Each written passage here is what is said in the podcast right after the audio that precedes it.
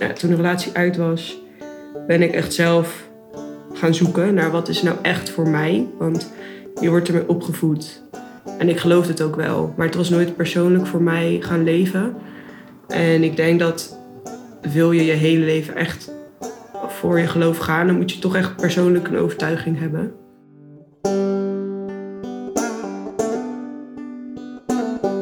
Welkom bij de podcast Ik vind dood normaal. In deze reeks ga ik in gesprek met gelovigen en niet-gelovigen. Ze vertellen hun verhaal over hoe ze in aanmerking zijn gekomen met hun geloof. Wat het hen brengt, hoe het geloof naar de dood kijkt, maar ook hoe zij naar de dood kijken. Ik wens jullie heel veel luisterplezier met deze reeks.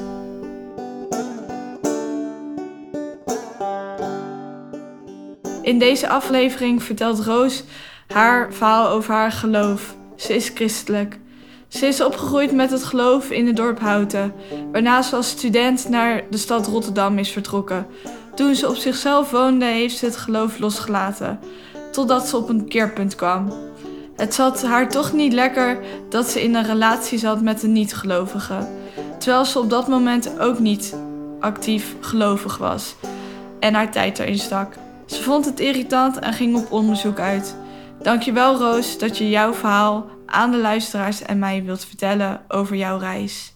Dankjewel voor je uitnodiging. Ja, graag gedaan. Ja, nou, ik kom uit Houten bij Utrecht en ik ben daar christelijk opgevoed door mijn ouders. Gewoon op zijn op Nederlands zou ik zeggen. De kerk waar ik bij zat heet de NGK, dus Nederlands Gereformeerd. En dat was, ja, ik denk een beetje ertussenin. Zo van redelijk vrij. Het was gewoon een band en uh, best wel veel jongere kinderen. Maar wel gewoon Nederlands. En op zich, ik heb het altijd... Ik ging altijd mee en ik geloofde het verhaal van de Bijbel en wat me verteld werd. Ik geloofde dat altijd al wel. Dus ik ben wel altijd gelovig geweest. Ik ben toen daarna ook naar een christelijke middelbare school gegaan. Of een evangelische middelbare school, de Passie. Dat was natuurlijk wel bijzonder, want de meeste mensen gaan naar een toch wel openbare middelbare school. En in die tijd, ik geloof het nog steeds altijd wel, maar soms was ik een beetje, ja, toch wel geïrriteerd dat ik dacht, waarom zit ik nou weer op deze school? Want voor je idee ben je dan iets minder vrij dan alle andere scholen, zeg maar. En je, je leeft gewoon best wel in een bubbel. Dus nou, toen, na die uh, schooltijd ben ik in Rotterdam gaan studeren. Dus toen kwam ik voor het eerst een beetje uit die bubbel van christelijk en... Uh, ja, het zat nog altijd in mijn achterhoofd. Van ik geloof het allemaal wel, maar ik was ook wel even benieuwd naar wat er allemaal buiten was. Dus nou, en gelijk naar de grote stad. Dus dat is natuurlijk echt super anders. Toen ben ik na een jaar ook hier gaan wonen in Rotterdam. En nou, ik was niet heel actief met mijn geloof. Dus als ik bij mijn ouders in het weekend was, ging ik nog wel mee naar de kerk. Maar ja, was niet altijd super leuke ervaring voor mij. Dat ik dacht, ehm, ik heb niet altijd zin, zeg maar. toen, ik denk nu twee jaar terug of zo, dat ik er echt het minst mee bezig was. Toen was ik gewoon echt mijn eigen dingen doen. En uh, nou, helemaal prima dacht ik toen. Maar toen, het heeft wel altijd in mijn achterhoofd nog gezeten, zeg maar, het geloof. En dat ik dacht, ja, het is wel waar, maar ik was ook een beetje rebels er tegenaan aan het schoppen de hele tijd. Nou, toen, denk wel, de turning point, zeg maar, was toen ik um, in een relatie belandde. En hij was niet gelovig. En ik dacht aan het begin van, nou, het zal goed komen, het maakt ook niet uit, kan gewoon. Want er zijn voorbeelden dat mensen wel een relatie hebben waarvan de een gelovig is, ander niet. Maar ik merkte dat het bij mij toch zo'n ding werd of bleef, dat ik dacht van, oh, misschien moet ik even er achteraan of gaan uitzoeken waarom dit zo'n ding voor mij is. Dat het dus niet, dat het zo groot is dat mijn relatie misschien zelfs niet werkt hierdoor. Dus nou, toen was ik eigenlijk nog steeds best wel geïrriteerd. Dat ik dacht, ja, waarom heb ik nou weer deze soort overtuiging in mijn hoofd? Van waarom kan ik niet gewoon in deze relatie blijven? Het is, het is makkelijker, leuker. Maar goed, dat ging gewoon niet. Ik had echt te veel stress. En ik dacht, nee, dat is niet de goede keus. Dus nou, toen de relatie uit was, ben ik echt zelf gaan zoeken naar wat is nou echt voor mij. Want je wordt ermee opgevoed. En ik geloof het ook wel. Maar het was nooit persoonlijk voor mij gaan leven. En ik denk dat wil je je hele leven echt voor je geloof gaan, dan moet je toch echt persoonlijk een overtuiging hebben. Dus nou, toen ben ik zelf echt gaan zoeken. Uh, ja, en hoe vul je dat in? Ik ben echt zelf de Bijbel gaan lezen. Um, Want ja, de Bijbel wordt natuurlijk in de kerk door mensen soort verteld en uitgelegd en geïnterpreteerd. Maar mensen zijn mensen en er kunnen altijd weet ik, veel fouten in zitten. Dus ik vond het heel fijn om echt zelf te gaan zoeken. Ehm, nou, en toen ging het wel echt voor mij leven, zeg maar. Gewoon het persoonlijke aspect van dat het niet alleen een. Nou, ik zie het eigenlijk nu niet meer als een religie of zo. Dat ik een religie uitoefen en met traditie elke zondag naar de kerk ga. Maar ik zie het meer als een eigenlijk hele persoonlijke relatie die je hebt met, voor mij dan God, met Jezus. Ehm, en toen ik dat soort van ontdekte, ja, toen kon ik het helemaal niet meer loslaten, zeg maar. Toen vond ik het ook echt leuk om te volgen en ben ik er zelf ook echt van overtuigd. Dus sindsdien is het allemaal ja, toch wel een beetje gaan veranderen. Als een heel ander perspectief voor mezelf. Alsof mijn ogen opnieuw geopend zijn van... ehm, ja, dat ik het nu echt iets zie als iets super moois. Een heel groot deel van mijn identiteit. En niet meer omdat ik zo opgevoed ben, dat dat bij me hoort, zeg maar. Nou, ik ben natuurlijk wel opgevoed met gewoon het horen van de Bijbel of dat het werd voorgelezen. Dus ik ken genoeg verhalen, maar altijd losse verhalen. En ik had niet helemaal het grote plaatje of de hele context. En nu zie ik dat de Bijbel eigenlijk een heel, hoe zeg je dat? Dat het heel goed in elkaar zit en een lopend verhaal is. En dat zag ik eerst niet zo. Maar ik heb wel genoeg verhalen vroeger gewoon gehoord of voorgelezen gekregen. Van mijn ouders of in de kerk of op school. Maar als je het zelf gaat lezen is het toch altijd weer anders. Ja. Ja. Kan je dan een beetje ons meenemen in eh, hoe het werkt, hoe zo'n geloof werkt? Of wat je zegt net, eh, je Mhm. relatie met eh, God en Jezus. Ja. Hoe voelt dat voor jou? Ja, moeilijke vraag, als in lastig om uit te leggen. Maar ehm, nou, wat ik geloof, ik denk dat veel mensen de grote lijnen van het verhaal misschien wel kennen. Dat God soort van op aarde kwam door Jezus, zijn zoon, in een menselijke vorm, zeg maar. En dat Jezus hier op aarde heeft geleefd en het een heel goed voorbeeld, zeg maar, heeft gegeven. En toen met Pasen, dat vieren we nu met Pasen, zeg maar, of vieren, herdenken we met Pasen dat Jezus aan het kruis is gegaan en is gestorven voor onze zonde, basically. Nou, niet basically, het is best een ding. Zeg maar, ehm, je hebt het Oude Testament en het Nieuwe Testament in de Bijbel. En in het Oude Testament, dat was allemaal voordat Jezus er was. Nou, ik zal niet de hele, Bijbel uit gaan leggen, daar ben ik ook niet de juiste persoon voor.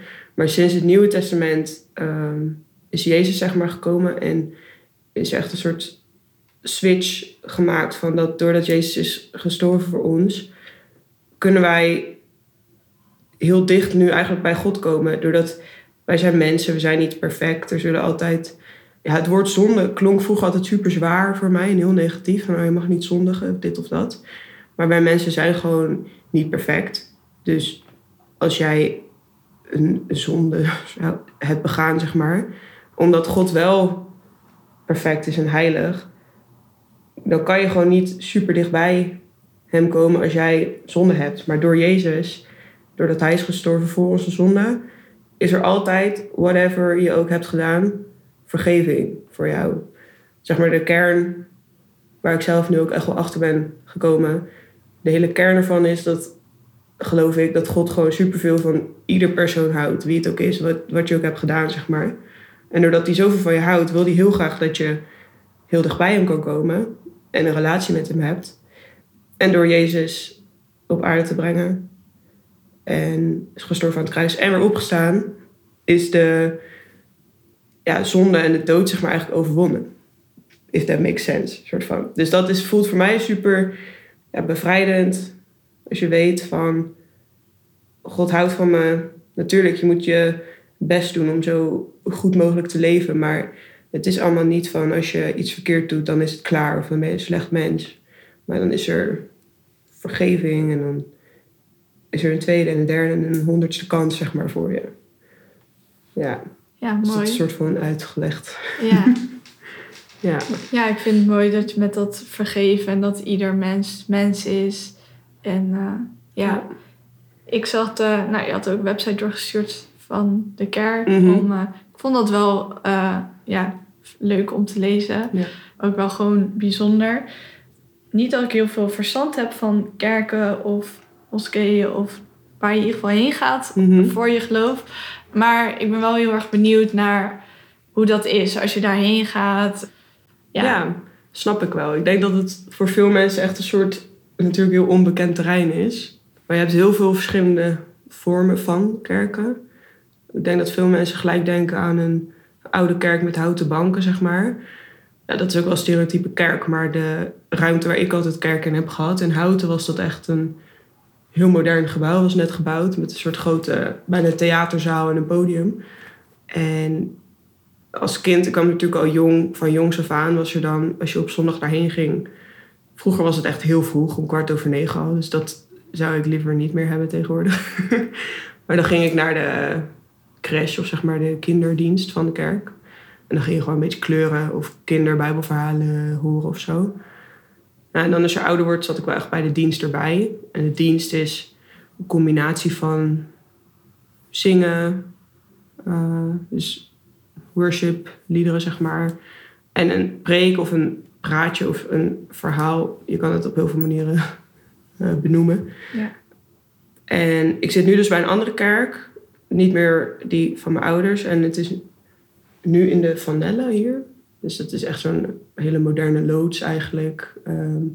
Het is helemaal met een lichtshow. En de techniek gaat natuurlijk super erg vooruit. Dus eh, het is echt een hele technische onderneming tegenwoordig. Ook met corona is alles gelivestreamd en alles.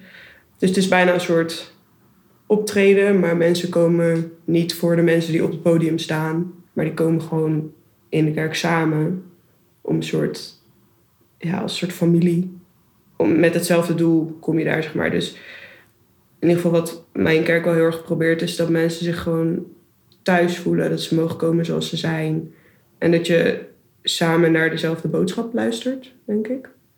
Ja, en ik vind het ook fijn dat er gewoon ruimte is voor vragen, zeg maar. Het is niet dat mensen daar heel vroom komen doen en zitten van... eh, je bent niet welkom, want je hebt dit en dit gedaan. Maar juist heel erg, ja, dat toegankelijke is wel wat, wat ik hoop dat kerken altijd uitstralen. Maar ik weet dat dat niet zo is, zeg maar. Ja. Dus het is geen houten banken kerk waar ik heen ga. ja. ja, en eigenlijk een kerk met een hele open mind. Ja, ja, en ik dacht eerst altijd van... Eeuw, waarom zou je zeg maar naar een, zo'n oudere kerk willen met houten banken? Maar ergens vind ik het ook wel heel mooi dat op heel veel verschillende manieren toch dezelfde boodschap wordt verkondigd. En dat dat op ieders eigen stijl ook kan. En dat het niet goed of fout is. Ja, natuurlijk, er zijn altijd rotte appels en schandalen in de kerk geweest. En dat is natuurlijk heel kwalijk. Maar, Maar ook eh, weer heel menselijk. ook heel menselijk, precies. Dus de kerk is echt niet perfect. En dat moet een kerk ook niet willen uitstralen, geloof ik. Dus ja, dat vond ik ook wel fijn om gevonden te hebben. Want het is natuurlijk best even een zoektocht van welke kerk ik bij wilde aansluiten, zeg maar. Dus het is ook persoonlijke voorkeur en smaak. En eh, eh, deze kerk is best wel jong en fris. En ik denk met het hart op de juiste plek. Dus dat is uiteindelijk het belangrijkste, denk ik. Ja, ja, ja, ja. Nou ja, deze podcast gaat natuurlijk over, over de dood. Waar gelooft jouw geloof in Ja, met betrekking tot de dood? Ja, nou, ik noemde het al kort. We geloven natuurlijk dat Jezus is gestorven aan het kruis, maar dat hij is opgestaan uit de dood. En dat kan ook wel gezien worden als dat de dood overwonnen is, zeg maar, door, door God. Dat de duivel voorzien, zeg maar, de dood is niet iets van God. God heeft niet de dood bedacht van, oh, iedereen moet sterven. Maar doordat mensen, zeg maar, dat is, staat helemaal aan het begin van de Bijbel met Adam en Eva en de zondeval. Ik denk dat veel mensen het verhaal wel kennen. Ehm, en toen er zeg maar zonde in de aarde kwam of op aarde kwam, sindsdien is het zo dat mensen moeten sterven, maar dat is niet het einde, geloven wij. Of geloof ik. Dus ik geloof wel echt in een hemel, in leven na de dood. En eigenlijk zie ik het meer als, of zien wij het meer als, dat dit leven op aarde maar een heel kort stukje is, zeg maar het begin van het leven straks. En dat dit op aarde een soort voor hoe zeg je dat? Voorschaduwing is van de hemel, waar geen zonde en geen dood meer zal zijn.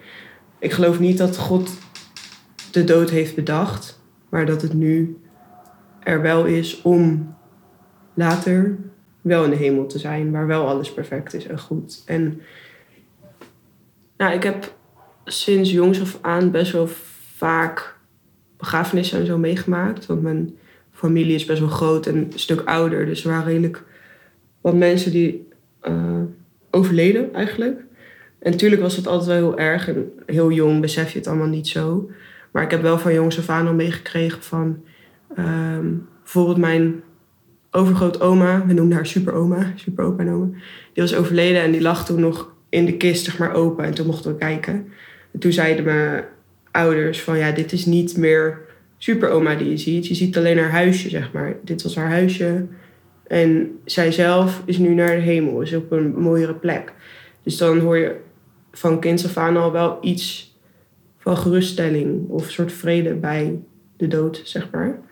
Dus hoe erg het soms ook is, en we hebben ook echt wel heftige verliezen meegemaakt in de familie. Dat je soms echt denkt, wat heftig, waarom overkomt dit mensen? En dan blijft er zo'n gat achter. Maar wel altijd een heel sterke tweede laag van dat er wel hoop is. En er soort van, je hebt er vrede mee, omdat je denkt, die persoon is niet weg, weg. Een soort van, die gaan we later nog zien, zeg maar. Dus ehm, mijn familie waar ik het over heb, die was wel ook gelovig. Dus dan geeft het je ook een soort van rust dat je familie waarschijnlijk ook die vrede iets meer voelt bij het overlijden van die persoon. Ja. Maar ik kan me zeg maar wel, ik heb me altijd wel heel erg meegevoeld met mensen die niet gelovig zijn. Dat ik denk, dan lijkt mij de dood iets super heftigs. Want dan heb je niet dat geruststellende gevoel wat ik denk ik heb bij de dood. Dat het niet het einde is en dat diegene op een mooiere plek is, zeg maar. Dus ja, ik kijk er, ik wil niet zeggen positief naar, maar ik heb wel een, een perspectief erbij dat ik denk, het is niet het einde. Ik heb ook een boek gelezen, die heb ik even meegenomen over, over de hemel. Ik geloof dan in de hemel. En als ik dat lees, dan word ik juist best wel heel erg gerustgesteld van, nou, de dood is, hier op aarde is de dood iets heel negatiefs. Maar misschien is het voor die persoon zelf wel een hele verlichting. Is die persoon gewoon op een goede plek. En hoe erg wij diegene ook missen, als je straks misschien zelf in de hemel bent, valt het allemaal op zijn plek. En denk ik van, oh ja, leven op aarde was ook maar kort in verhouding tot dit. En ja, ik wil niet zeggen dat dood per se een doel heeft of zo, maar je ziet misschien wel soms dat door het overlijden van iemand, dat er in een ander leven weer hele mooie dingen gebeuren of zo. Dat vind ik altijd een beetje lastig om te zeggen. Want ik denk niet dat mensen moeten overlijden zodat iemand anders een soort ervaring heeft. Maar ik denk dat het wel ja, bij het leven hoort. Op een of andere manier. Ja. We worden allemaal geboren en we gaan allemaal dood. Ja, daarom. Dus dat, dat zijn twee dingen die zeker zijn. Dus ja, dat hoort zeker bij het leven. En mooi om gewoon zo je verhaal te horen. Ehm, je hebt de hemel en dan heb je ook de hel. Dat mm sommigen wel eens zeggen. Ja. Hoe, hoe zie jij dat? Of hoe ziet het geloof dat? Ja, ehm, dat vond ik altijd wel een lastige. Dat is natuurlijk een onderwerp wat veel mensen het liefst ontwijken, denk ik. Van nou, nou, daar denk ik maar niet over na.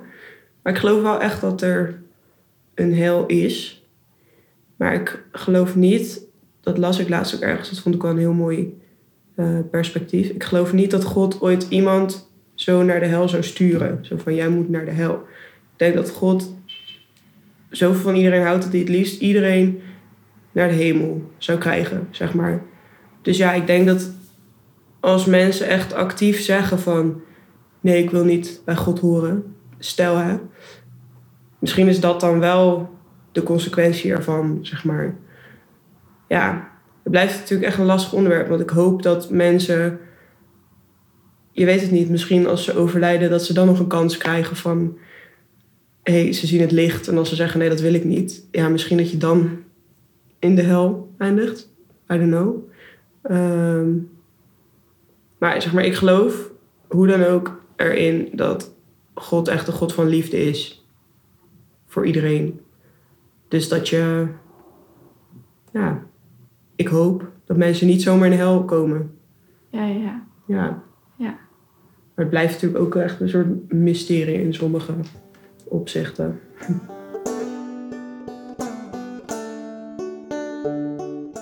Nou, ik hoop dat door mijn verhaal te delen, mijn doel is nooit om iemand te overtuigen van iets, maar ik hoop dat ik misschien een iets nieuw perspectief kan geven, want ik weet dat stereotype kerk is soms best een beetje vergrijsd of saai of bleh, gelijk dat mensen denken, nou, geen zin, want je mag niks. Ehm, maar ik hoop dat ik dan iets heb kunnen laten horen van hoe, eh, hoe het ook met de tijd meegaat. En ik ben zelf 22 en ik vind het wel hartstikke modern, zeg maar. Maar dat heb ik zelf ook even moeten vinden, hoe dat dat kan, zeg maar. Maar ja, dat er dus ook echt moderne kerken zijn en dat de boodschap van de kerk, hoe ik het zie, van de Bijbel, van God, dat het nooit is, je mag dit niet, je mag dit niet. Je, als je zondigt, ga je naar de hel, dan ben je slecht. Maar juist dat het alleen maar een boodschap is van liefde en hoop. Eigenlijk allemaal positieve dingen, zoals ik het nu zelf zie. Ja, dus ik geloof echt dat God van iedereen heel veel houdt. En eh, dat is van alle tijden, zeg maar. En als mensen er naar zouden zoeken, denk ik dat je dat ook echt gaat vinden. Als ik het zo kan zeggen. Ja. Ja, dus ik hoop ehm, als ik iets bereik hiermee, dat mensen misschien even een net ander perspectief horen ook van de kerk. En ehm, een minder vergrijsd beeld er misschien van hebben. Ja. Dit boek heet in het Engels Imagine Heaven en in het Nederlands geloof ik Stel je de hemel eens voor. Het is geschreven door John Burke. En hij was eh, eerst zelf een, geloof een atheïst, een beetje sceptisch. En hij, hij is nu christen, dus hij schrijft het boek wel vanuit christelijk perspectief. Maar verder wel heel erg objectief eigenlijk. Eh, hij heeft heel veel mensen met een bijna doodervaring, dus near-death experience. Echt heel veel mensen, want ik was ook geschokt hoeveel mensen dat dus hebben meegemaakt. Ehm, hij heeft al die mensen geïnterviewd of ook misschien database gebruikt daarvan, I don't know. Maar hij gaat het heel erg vergelijken met elkaar. En ik vond het zelf echt een super mooi boek, omdat het soort van glimpse of heaven geeft, voor mijn idee. Dat mensen toch een stukje hemel misschien hebben gezien. En voor mij een heel hoopvol boek. Ehm, er staat ook op het boek Near-death experiences, God's promises and the exhilarating future that awaits you. Dus ik merkte zelf, terwijl ik dit boek las, ik dacht, oh, ik werd gewoon heel rustiger van. Ik dacht, oh, er is nog een hele toekomst in de hemel en het leven hier is niet alles. Het brengt een heel ander perspectief eigenlijk aan het leven hier. En hij gaat ook best wel mooi of goed nog in op de hel. En hij, hij ontwijkt zeg maar alle moeilijke vragen niet. Dus dat vond ik ook wel heel vet om te lezen. Dus die zou ik zeker aanraden. Ook voor niet-gelovige mensen. Gewoon, of andere geloven. Ik denk dat het best wel interessant is, dit boek. Thanks, dankjewel. Wat me net opeens te boven kwam. Je bent van de zomer naar Ja. Amerika geweest. Mhm. Waar je ook met andere vrouwen Ja, ehm, ja, samen was. Ik zat net te denken, hoe kan je daar iets... Want uiteindelijk wat jullie heeft eh, verbonden was het geloof. Klopt. Toch? ja, Hoe ben je daarmee in aanra- aanraking gekomen? En Ja, ehm, dat is wel een goeie. Want ik was vorig jaar, waar ik het over had, dat mijn relatie uitging. Toen ging ik een beetje zoeken. Toen was het geloof ik ook nog corona. Dus ik ging nog niet echt naar de kerk. En dan doe je het allemaal een beetje zelf uitzoeken. Dus wat ik dan had was, ik had de Bijbel. En ik had op Instagram een aantal accounts gevolgd. Want ik zocht een beetje naar eh, like-minded mensen. Want in de stad, je ziet niet heel veel... Ja, je ziet niet zomaar heel veel gelovige mensen, zeg maar. Dus dan kan je een beetje er alleen in voelen. Vorig jaar had ik ook nooit zo'n zo open erover gepraat, denk ik. Omdat er dan nog een beetje zo'n schaamte overheen ligt van... oh, niemand snapt dit of wat dan ook. Maar nu denk ik, ja, je mag gewoon staan voor wat je staat, zeg maar. Maar toen was ik een beetje op zoek naar toch wel community, denk ik, daarin. Uh, en toen vond ik op Instagram een Amerikaans meisje of vrouw, een soort van influencer, een soort christelijke influencer. Ik wist niet dat het een ding was. Toen dacht ik, oh, hey, zij is gewoon echt ook lekker modern, draagt ook gewoon make-up, leuke outfits. Niet dat dat allemaal niet mag, het hoeft allemaal niet zo sober gelijk. Dus ik ging haar volgen en toen zag ik dat zij een uh, groep begon voor single vrouwen. Nou, en ik was toen natuurlijk single en ik dacht, nou, wie weet heb ik hier wat aan. En dat was dan af en toe op een zaterdag in een, in een Zoom call. Het heet Hello You. Af en toe een Zoom call en ik dacht, nou, leuk. Maar toen was het allemaal iets nog persoonlijker dan ik dacht. Dus een hele WhatsApp groep, best wel actief. En echt wel hele leuke vrouwen, allemaal Amerikaans. En toen gingen ze het hebben over, kom, laten we een weekend uh, op vakantie of elkaar in het echt zien. Toen dacht ik, oh vet, maar ik ben de enige uit Nederland, ga ik dit doen? Nou, toen kwam het zo uit dat ik uiteindelijk toch op vakantie kon naar Amerika met dat weekend erbij. Dus super vet om hun het echt te zien. En ergens voelde dat heel. Ja, het klinkt misschien heel gek. Je gaat naar Amerika en je ontmoet. Het was een groep van 16 vrouwen die je niet kent eigenlijk. En ze waren ook allemaal een stukje ouder. En ik was ongeveer de enige white girl en de enige Nederlandse.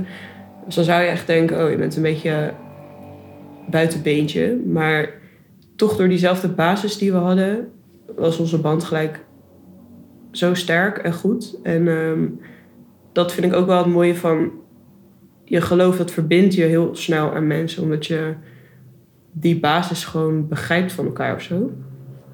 En dat vond ik ook heel vet om te zien dat zij allemaal zo sterk staan in, in hun geloof. En in Amerika leeft denk ik de christelijke community iets meer dan in Nederland. Dat vond ik ook weer een eye-opener eye-opener dat ik dacht, oh ja, het hoeft niet, ik hoef het niet geheim te houden of wat dan ook. Het is juist goed om erover te praten. En, maar ik had het denk ik even nodig om heel even uit Nederland te gaan en met die vrouwen te zijn. Ehm, dus dat was wel een hele bijzondere ervaring. En ik geloof dan er ook alweer in dat ik daar had moeten zijn. Dat God mij ook op Instagram naar dat account heeft geleid, zeg maar. Ergens dacht ik van, oh, is het raar om me hiervoor aan te melden? Maar dat je dat dan toch doet en dat je er uiteindelijk zoveel uithaalt, zeg maar. Dus dat was wel een hele mooie ervaring voor mij. Ik heb me ook op dat weekend laten dopen. En ik ben ook als baby gedoopt, maar dat is toch weer een ja, soort reminder en voor jezelf en een soort, uh, hoe zeg je dat? Public, uh, publiek laten zien of zo, dat je daarvoor kiest ja, nu kies, koos je er echt zelf voor. En precies, want als baby kan je niet er zelf voor kiezen. Ja. Dus ook met dat denk ik dat heel veel kerken heel, heel erg zijn van de regeltjes. Of oh, je bent gedoopt, dan moet je nog beleidenis doen. Of in de katholieke kerk is het, geloof ik... Communie. Communie, communie doen. En dan vormsel. Oh ja, vormsel, dat, zie je, dat weet ik dan wel niet eens. Maar ik denk dat het niet allemaal altijd om alle strakke regeltjes gaat. Maar soms denk ik dat mensen dat er een beetje van kunnen maken. Gaat ook, gebeurt heel makkelijk, denk ik, dat je, dat je daar gewoon in meegaat, zeg maar. Is niet erg, maar ik vond het zelf wel fijn om te zien van... Nee, het gaat uiteindelijk gewoon om, om je hart, om... Ja, het gaat niet om regeltjes, zeg maar. Dus ook met dat dopen, dat was best wel spontaan, maar wel echt gewoon op een heel goed moment. En ja, dus dat was voor mij wel echt super bijzonder. Ja. Cool. Leuk om te horen. En ik vind het wel gewoon mooi om te horen dat... Uh, ja, je bent ermee opgegroeid, maar daarna heb je het gewoon zelf... Ja, ben je zelf gaan zoeken, ben je zelf gaan kijken. En zelf gewoon gaan voelen... Precies. En wat fijn bij jou voelt. Ja, dat zou ik ook wel iedereen aanraden, denk ik. Want ja, je kan iets geloven wat je ouders geloven. En dat is natuurlijk ook best wel heel normaal dat dat gebeurt als kind, dat je dat overneemt. Ik zeg niet dat dat fout is, maar je moet wel ook zelf op een gegeven moment weten waar je voor staat, denk ik. Ook voor jezelf is dat heel fijn, omdat je dan niet meer twijfelt aan, oh, geloof ik dit omdat ik het heb gehoord van mijn ouders of geloof ik dit zelf ook echt? Want dat kwam natuurlijk soms ook op in mijn hoofd van, ja, wat als ik anders was opgevoed? Geloofde ik waarschijnlijk niet. Maar nu denk ik, als ik anders was opgevoed, hoop ik dat ik het alsnog gevonden had ergens, zeg maar. Dus dan denk ik, nou dan is het heel goed om erover te praten. En dat iedereen op zijn eigen manier uh, op zoek gaat naar. Ik denk dat heel veel mensen toch wel zoeken naar de waarheid, zeg maar. Dus ik denk dat mensen zeker moeten blijven zoeken. Ook als je anders bent opgevoed. Ja. ja. Ik had nog een tekst gevonden. Er zijn natuurlijk heel veel teksten in de Bijbel over dood en leven. En deze ging een beetje over wat ik zei: dat het lichaam wat hier op aarde nog achterblijft als mensen overlijden, dat dat een soort omhulsel is. En hier wordt dat dan beschreven. is 2 Korintiërs 5, vers 1. Wij weten dat wanneer onze aardse tent, het lichaam waarin we wonen, wordt afgebroken, we van God een woning krijgen. Een eeuwige, niet door mensenhanden gemaakte woning in de hemel.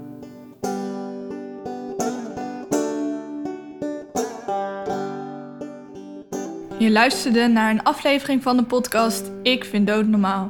We praten in deze reeks met gelovigen en niet-gelovigen over het geloof en de dood. Vind je het interessant? Abonneer je dan op deze podcast. Dankjewel voor het luisteren en hopelijk tot de volgende keer.